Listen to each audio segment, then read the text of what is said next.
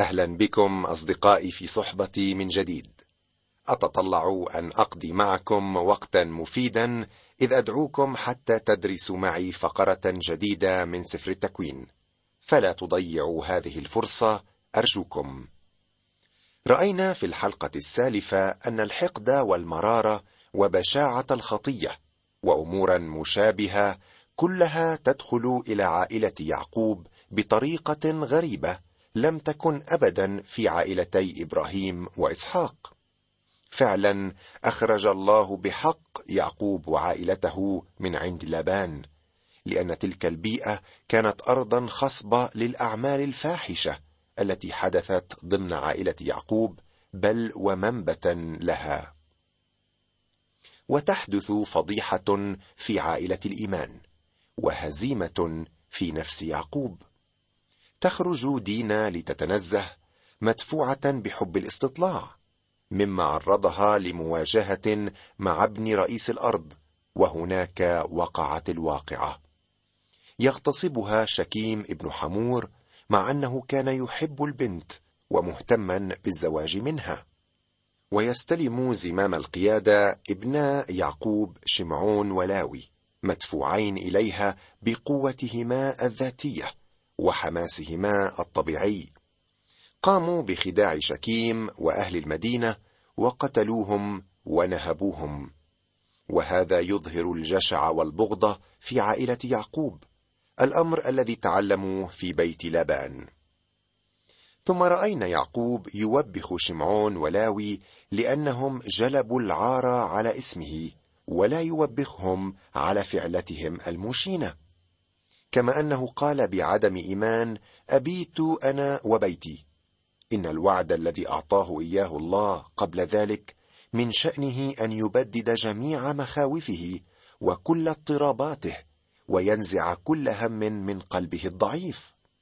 لكنه واضح أن فكره كان مشغولا بالخطر الذي كان يحدق به من أهل شكيم لا بالعناية التي وعده بها الله. ترى كيف نقيم موقف يعقوب مستمعي. أعتقد أنه ركز الملامة على بنيه أكثر من نفسه. كان الأجد به أن يحكم على ذاته بسبب وجوده في ذلك المكان. فلو أنه استقر في شكيم لما أصاب دينا ما أصابها من ذل وهوان ولما أظهر ابناه كل تلك القسوة. واليوم نرى الكثير من المسيحيين يوقعون أنفسهم في الحزن والقلق بسبب عدم سيرهم بالأمانة. ثم عوضا عن أن يحكموا على أنفسهم نراهم ينشغلون بالظروف ويلومونها دون أن يلوموا ذواتهم. من جهة أخرى اعتقد أن يعقوب قدم قدوة سيئة لأولاده. بسبب عدم أمانته في حياته العائلية قدام الله. فقد انحطت حالته الروحية في شكيم مما جعل الله يستخدم الظروف لتأديبه وتدريبه. فإن الذي يزرعه الإنسان إياه يحصد. هذا هو المبدأ العام في معاملات الله مع شعبه.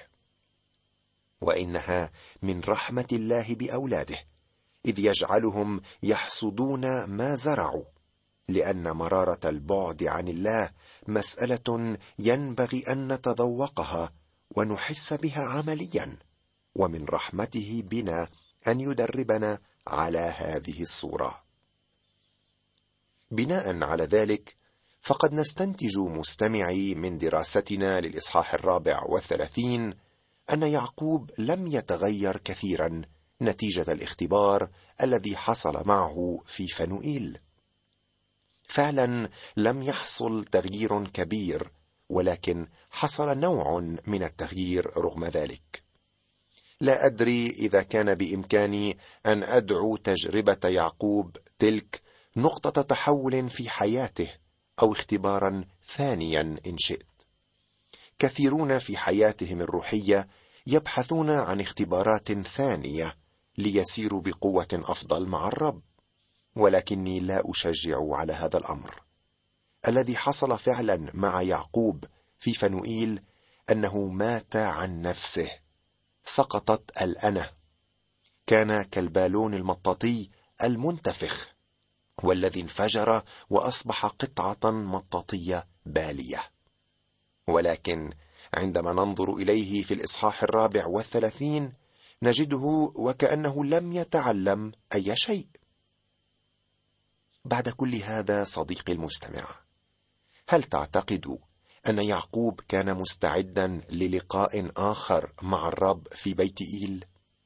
هل كان مستعدا للاختبارات التي سيمرره بها الرب؟ كلا فالذي حصل في الإصحاح السابق يرينا رجلا تصرف بحسب الجسد. نعم كان هناك انحناء للذات ولكن لم تكن ثقة كافية في الرب. لم يكن لديه إيمان كاف للذهاب إلى بيت إيل فتوقف في شكيم. كما أن هذه الأحداث بينت أن يعقوب لم يكن رب العائلة وراسا ورئيسا لها. لم يأخذ مكانه الصحيح لم يكن روحيا بما فيه الكفاية. أما هنا في الأصحاح الخامس والثلاثين فنجد يعقوب يصنع قرارا سليما من أجل الرب ويفعل ما كان يجب أن يفعله من قبل. تعال بنا نقرأ من هذا الأصحاح ابتداء من العدد الأول وحتى الثامن. ثم قال الله ليعقوب قم اصعد إلى بيت إيل وأقم هناك واصنع هناك مذبحا لله الذي ظهر لك حين هربت من وجه عيسو أخيك. فقال يعقوب لبيته ولكل من كان معه أعزلوا الآلهة الغريبة التي بينكم وتطهروا وأبدلوا ثيابكم.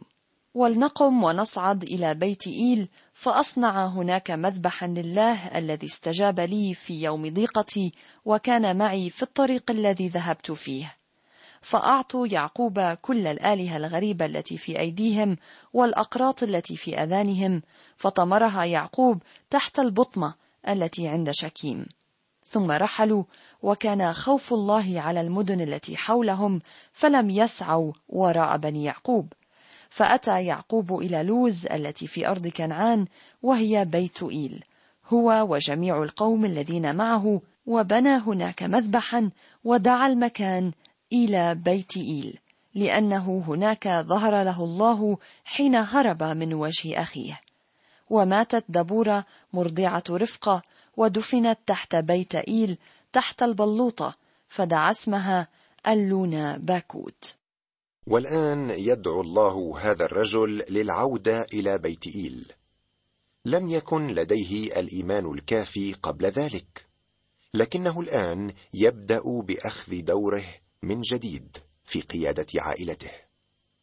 لا بد وأنه أحس في أعماق نفسه خطورة هذا اللقاء القادم بدليل كلامه الآمر مع بيته وكل من معه. هناك عدة أمور يطلبها يعقوب من أفراد عائلته. اولا عليهم أن يزيلوا كل آلهة غريبة من بينهم. لابد أنك تذكر مستمعي عندما هرب يعقوب أخذت رحيل أصنام الآلهة التي كانت في بيت أبيها دون علم من يعقوب حتى أنها جلست فوقهم أثناء بحث أبيها بحجة أن لها عادة النساء. طبعا في البداية عندما اكتشفهم يعقوب توقعنا منه أن يتخلص منهم لأنه كان يعرف الإله الواحد الحقيقي والذي تقابل معه شخصيا. ولكنه للأسف لم يفعل ذلك وانتشرت عبادة الأوثان بين أفراد عائلته. ولأول مرة يستلم يعقوب زمام الأمور والقيادة الروحية. تخلصوا من الأوثان. انزعوا الإثم من بينكم. ما سكت عليه في شكيم برغم المذبح الصوري الذي أقامه هناك ينبغي أن ينزع نزعا قبل الصعود إلى بيت إيل. هناك الكثيرون ممن يخدمون الأوثان ستة أيام في الأسبوع ويوم الأحد يحاولون أن يعبدوا الإله الحقيقي. وتجدهم يتساءلون لماذا لا يمكنهم أن يتمتعوا بالرب أثناء العبادة؟ ولكن يا صديقي عليك أن تنزع الآلهة الغريبة من حياتك. أنا لا أعرف ما هي. قد تكون الطمع لا سيما في الأعمال.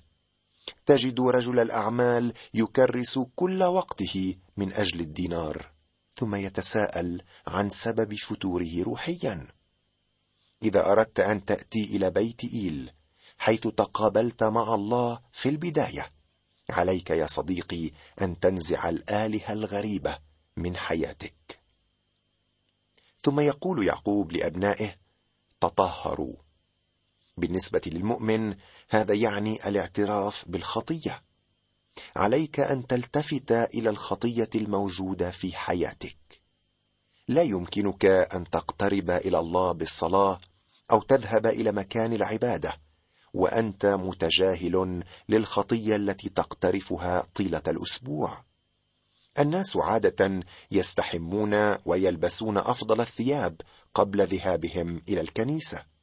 بالأولى أن نغتسل روحيا من دنس الخطية وأن نعترف بها.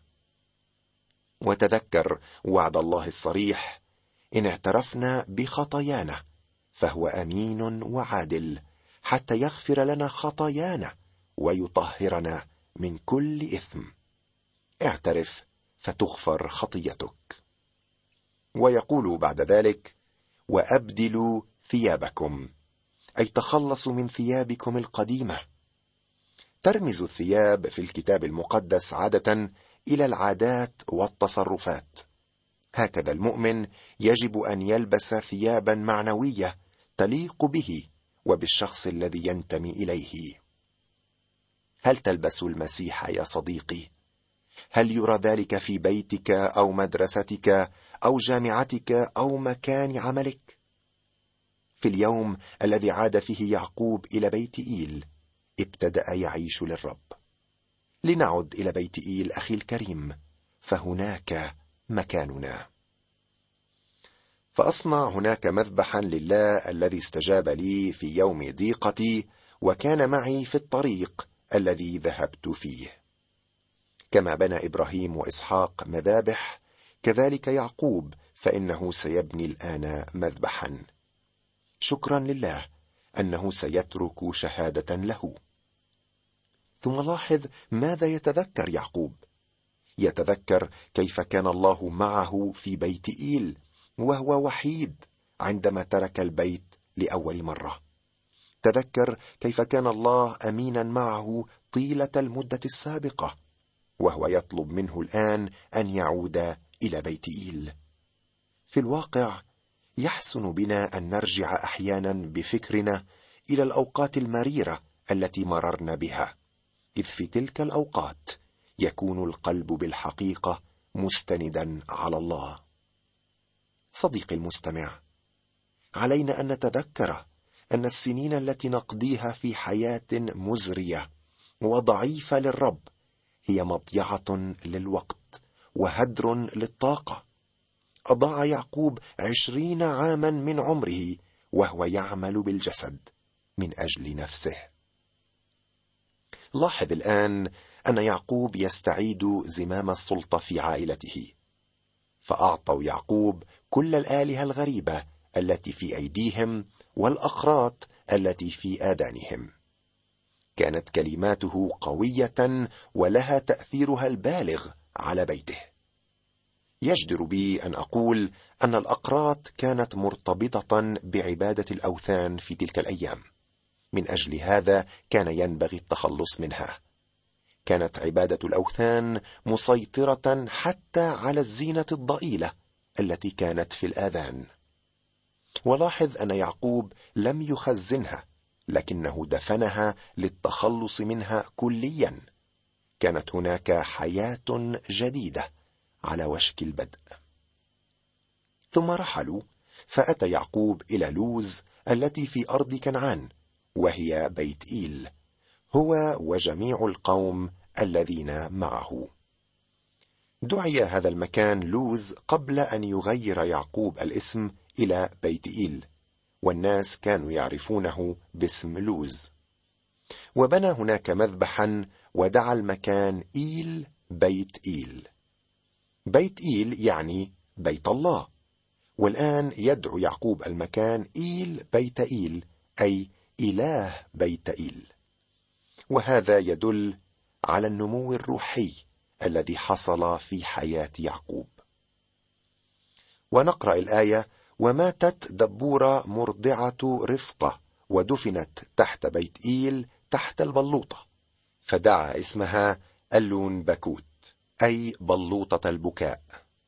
من هذه الآية نستنتج أن رفقة كانت قد ماتت ولا يخبرنا الكتاب متى تم ذلك. ويعقوب المسكين لم يرى أمه ولا هي رأته.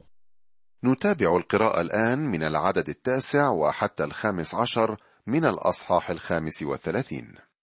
وظهر الله ليعقوب أيضا حين جاء من فدان أرام وباركه. وقال له الله اسمك يعقوب لا يدعى اسمك فيما بعد يعقوب بل يكون اسمك إسرائيل. فدعا اسمه إسرائيل. وقال له الله أنا الله القدير أثمر وأكثر أمة وجماعة أمم تكون منك وملوك سيخرجون من صلبك. والأرض التي أعطيت إبراهيم وإسحاق لك أعطيها ولنسلك من بعدك أعطي الأرض.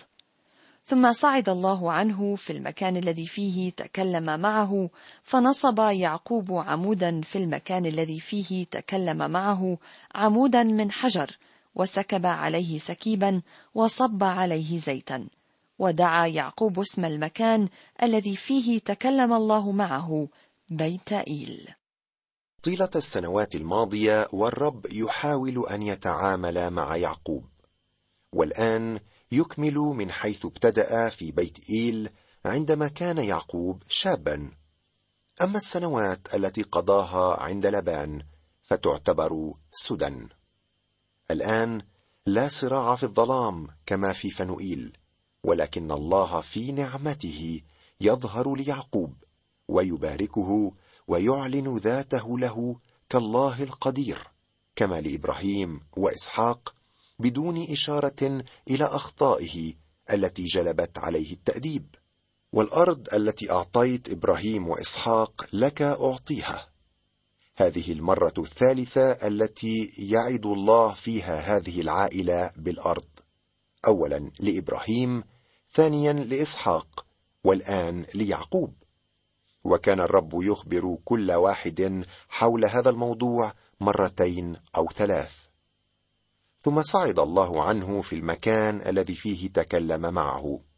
فنصب يعقوب عمودا في المكان الذي فيه تكلم معه عمودا من حجر وسكب عليه سكيبا وصب عليه زيتا ودعا يعقوب اسم المكان الذي فيه تكلم الله معه بيت إيل. هنا نجد الذكر الأول لتقدمة سائلة السكيب. لا يوجد أي إرشاد حول هذا الموضوع ولكنها مذكورة هنا. من الواضح أنها من أقدم التقديمات وتحمل معان جميلة للمؤمن. تقدمه السائل كانت تسكب على باقي التقديمات فتصعد كبخار. هكذا كان بولس يريد حياته أن تكون سكيبا للرب. عزيزي المستمع هل ما زالت هناك نواح في حياتك لا ترضي الله؟ هل ما زال الله يشدد عليها يوميا يوما فيوم؟ هل تعلمت الدروس التي يريدك الله أن تتعلمها؟ هل وصلت إلى اختبار الله عمليا في حياتك في بيت إيل كما حدث مع يعقوب أخيرا؟ أرجو أن تجيب اليوم قبل غد عن هذه الأسئلة وبكل صراحة فعلى الإجابة تعتمد أمور كثيرة تهم حياتك وعلاقتك مع الرب. أستودعك الله وإلى اللقاء.